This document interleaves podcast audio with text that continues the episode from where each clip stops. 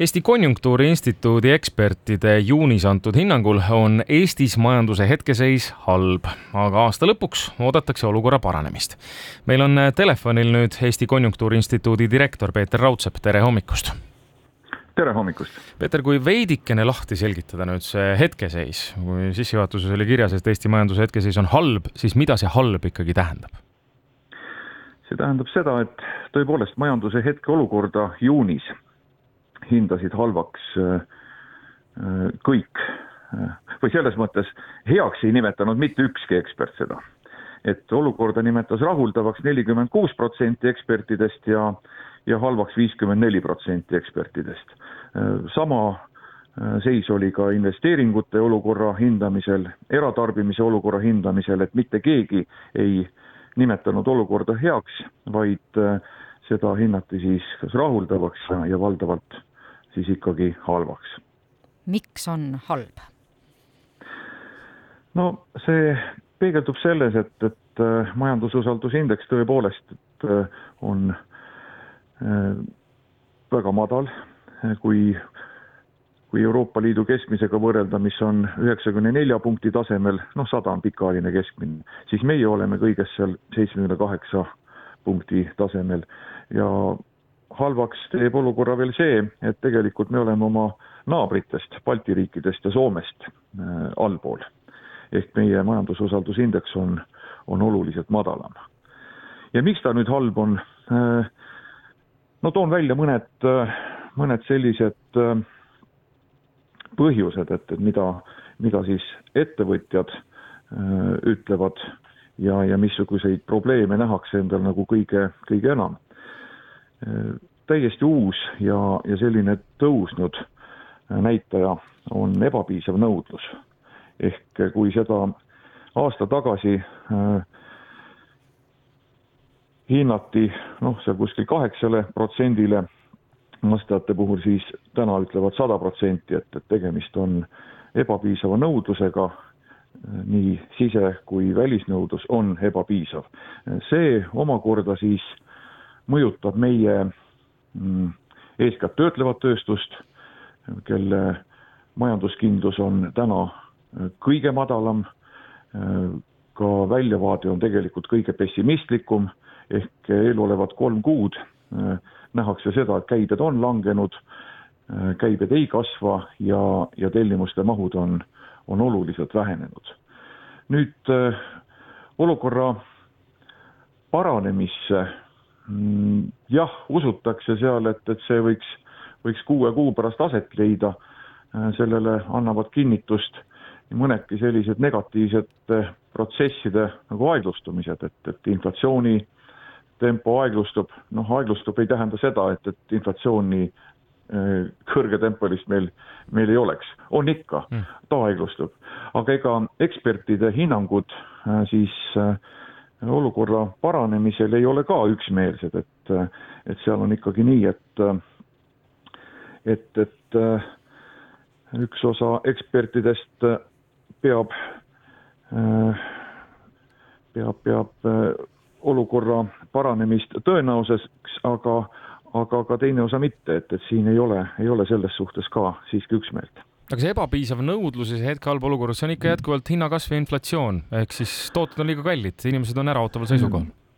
Äh, see jah, tähendab seda, et, et äh, kui me vaatame nagu sise- ja välisnõudlust, siis äh, välisnõudlus tähendab seda, et meie majandus on väga väike, avatud, eksportiv majandus ja nii kui meie eksportturgudel toimuvad negatiivsed muudatused ehk nõudlus väheneb, nii ta siis ka äh, mõjutab meid. nüüd äh, sisenõudlust, mm, jah, siin on äh, inflatsiooni survel palgad kasvanud ju tegelikult päris kiiresti, aga, aga see on siiski ainult asja, asja üks pool.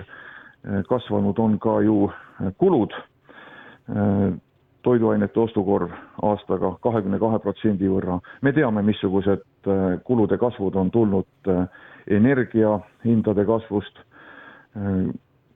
mootorikütus, elektrienergia, küte, me teame seda, et, et me maksame ju pankadele oluliselt rohkem intresse, intressikulusid kodulaenudelt. nii et see kõik tegelikult jätab ju vähem raha inimestele kulutusteks, suurendab sellist ebakindlust ja, ja see on viinud ka alla siis tarbijate kindlustunde ja, ja isegi noh, mina võrdleks seda, vaataks nagu ajaloos tagasi, et siin on kolm sellist suuremat jõnksu olnud, et, et et, et on kaks tuhat kaheksa masuaegne, on kaks tuhat kakskümmend koroonakriisi aegne või pandeemiakriisi aegne ja, ja on siis tänane, et, et need on sarnase ulatusega äh, probleemid olnud. kui me mingisuguseid põhjuseid ja laineid siia juurde oskame nimetada, kui palju on siin koroona järel lainetust veel majanduses, kui palju mõjutab Ukrainas toimuv sõda? koroona ähm, kriisist me tegelikult taastusime kiiresti ja, ja, ja ka siis oli ka äh, valitsustel äh, olid meetmed, millega toodi raha äh, siiski majandusse ja, ja hoiti sellised, sellised suuremad langused ära. nojah, võib-olla nüüd täna tuleb nüüd kinni maksta. aga sõda tõepoolest, ta kõigepealt äh, muutis ära kõik meie tarneahelad ehk äh, me osutusime asuvaks siiski tsiviliseeritud maailma lõpus. me oleme logistilises mõttes väga kallis, kauges ja keerulises kohas meie majandussuhted ida suunas on, on lõppenud ilmselt väga pikaks ajaks ja see kõik tõi kaasa algul koheselt sellise äh, toorme ja, ja materjali hindade kallinemise äh,. Need ei jätkunud, hinnad tõusid, oli defitsiit äh,. see mõjutas äh, praktiliselt kõiki äh, majandussektoreid Need on asendatud, see probleem on sisuliselt lahendatud tänaseks. aga eks need asendused ole selles mõttes kallimad. teisalt see julgeolekupoliitiline olukord, mida kaugemalt üks, üks välisinvestor seda vaatab, seda, seda, seda keerulisem või, või, või koledam see pilt tema jaoks tegelikult on. ja tõepoolest nii selliste äh, majanduslike ebakindluste tõttu kui siis ka otseselt julgeolekuohu tõttu. noh, neid põhjuseid on kindlasti veel, võib-olla ka intressitase tuleb siin välja tuua. on ka meie investeeringute kindlus täna äh, suhteliselt madalseisus ja, ja, ja oleme elanud läbi ju ka olulise investeeringute languse. nüüd, millal see olukord paraneb, jah, see sõda jääb mõjutama äh, hulgaks ajaks siin peab saabuma rahu ja rahu ei ole rahu selles mõttes, kui sõda lõpeb, vaid rahu on rahu siis, kui äh, sõjaoht on möödas. see tagab turvalise investeerimiskeskkonna ja majanduse normaalse arengu aga lähima kuue perspek-, kuue kuu perspektiivis siis ikkagi eksperdid näevad, et olukord läheb paremaks, ehk kas meil see põhi on nii-öelda käes või me oleme põhjast juba läbi käinud mm,? no jah, nagu ma ütlesin, et ega need äh, ega need eksperdid äh, ei ole selles arvamuses nagu, nagu üksmeelsed, et on, on neid, kes ütlevad, et läheb halvemaks, on neid, kes ütlevad, et, et läheb äh, paremaks ja kõige rohkem on neid, kes ütlevad, et jääb samaks mm., et, et selline äh, lootus paranemisel on, aga tegelikult ega neid, ega neid märke või selliseid asjaolusid, millele toetudes võib ütelda, et nüüd hakkab paranema. noh, peale nende mõnede negatiivsete trendide aeglustumise ju oluliselt ei ole. no mis me teame, me teame seda, et, et, et inflatsioon on jätkuvalt kõrge, okei okay,, aeglustub. me teame seda, et äh, toiduainete hinnad on kallinenud, aga ega nad jätkuvad kallinemist veel. Äh, on inflatsioon jätkuv, on põllumajandussaaduste pakkumine kindlasti sellel aastal äh, tagasihoidlikum, meil on isegi eriolukord põllumajanduses välja kuulutatud ja kõige lõpuks üldse pole kaugel aeg see, kui äh, me saame endale äh, maksutõusud ehk siis äh, esmajoones kõrgema käibemaksumäära. see aga hoogustab inflatsiooni, see teeb meie elu kallimaks ja tegelikult ega ta pikemas perspektiivis ikkagi pärsib ka majandust. selline, selline maksutõus ja, ja inflatsiooni hoogustamine no ma ei tea, kas intervjuud saab lõpetada, et selle negatiivse tooniga me saamegi siinkohal lõpetada. Et paremaks ei lähe miski. No me peame olema selles suhtes realistlikud, et, et, et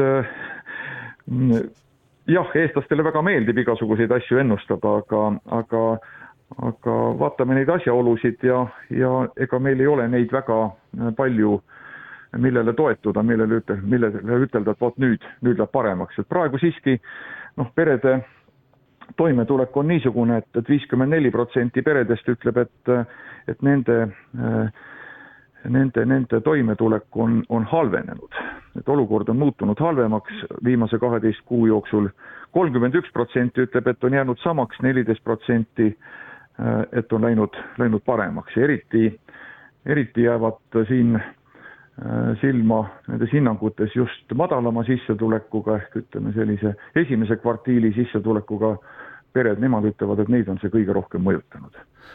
et, et see on, see on paratamatus, see on tänane olukord ja, ja ega maksude tõus, ta toob sellise mitme maksu tõus, ta toob ikkagi kumulatiivse efekti Äh, hindade kallinemisse, nii et äh, me peame selleks valmis olema, kuidagi sellega toime tulema.